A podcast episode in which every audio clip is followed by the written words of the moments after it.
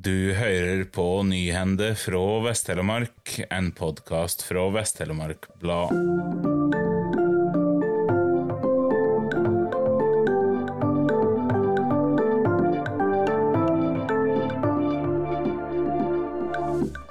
Vinje kommune setter krav om nytt avløpsanlegg før Mogen turisthytte kunne åpne for sesongen.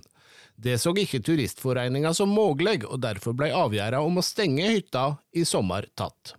Parallelt med arbeidet med nytt avløpsanlegg blir turisthytta renovert. De opphavlige planene om å bygge helt ny hytte er som kjent skrinlagde. Planen nå er å etterisolere vegger og tak, skifte vinduene og dessuten montere solcellepanel på taket for å gjøre hytta mer energisparende. Hytta kommer dessuten ikke lenger til å være rød. DNT ønsker å nytte vedlikeholdsfri kledning som vil få grå patina ettersom tida gjeng. Det kommer fram i en referatsak til Plan, miljø og teknisk utvalg i Vinje kommune. I neste byggetrinn ønsker DNT å gjøre noen endringer innvendig. De vil mellom annet gjøre om flermanns, flermannsrommene til tomannsrom, og dessuten ta i bruk hemsen til soveplasser for å erstatte de plassene som blir borte ved å gjøre om flermannsromma. Hytta skal ikke ha flere soveplasser enn det alt er. Ingrid Wadder og Ånon Ringhus Hovden har fått konsesjon på en landbrukseiendom i Åbø i Vinje. De to er samboere og bor alt i kommunen. Nå har de kjøpt gården av Vegard Sandok Ringhus. Ånund eh, Ringhus Hovden har vokst opp som næreste nabo til gården og er søskenbarnet til selgeren, kommer det fram av sakspapirene til Plan, miljø og teknisk utvalg i Vinje kommune. De vil busette seg på gården og holde fram med å skjøtte jorda og skogen som tidligere eier har gjort. Bygningene skal være godt vedlikeholdne og våningshusene vært busett inntil nylig. Prisen er 4,5 millioner kroner. Politikerne ga ved sist møte samboerparet konsesjon. I vår sa planutvalget i Fyresdal ja til at Øyvind Kile kan rive stølsbygning og sette opp hytte på samme staden. Det trass i at både Villreinnemnda og statsforvalteren på førehånd frårådde dette.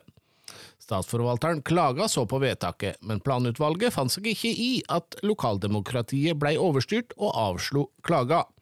Nå er det klart at statsforvalteren i Trøndelag er oppnevnt som settestatsforvalter til å endelig avgjøre saka. Vårsesongen var utfordrende for sprinttalentet Herman Hogstad Sveinsson fra Seljord. Trass iherdig trening og deltaking i flere konkurranser var ikke responsen som venta. Tvert om, det var ikke bare stagnasjon for den raske selvjordingen, men kraftig tilbakegang sammenlignet med tidligere sesonger. For å finne ut av problema blei lege kontakta. Tidligere denne måneden kom svaret. Hogstad Sveinsson har hatt kyssesjuken i april-mai.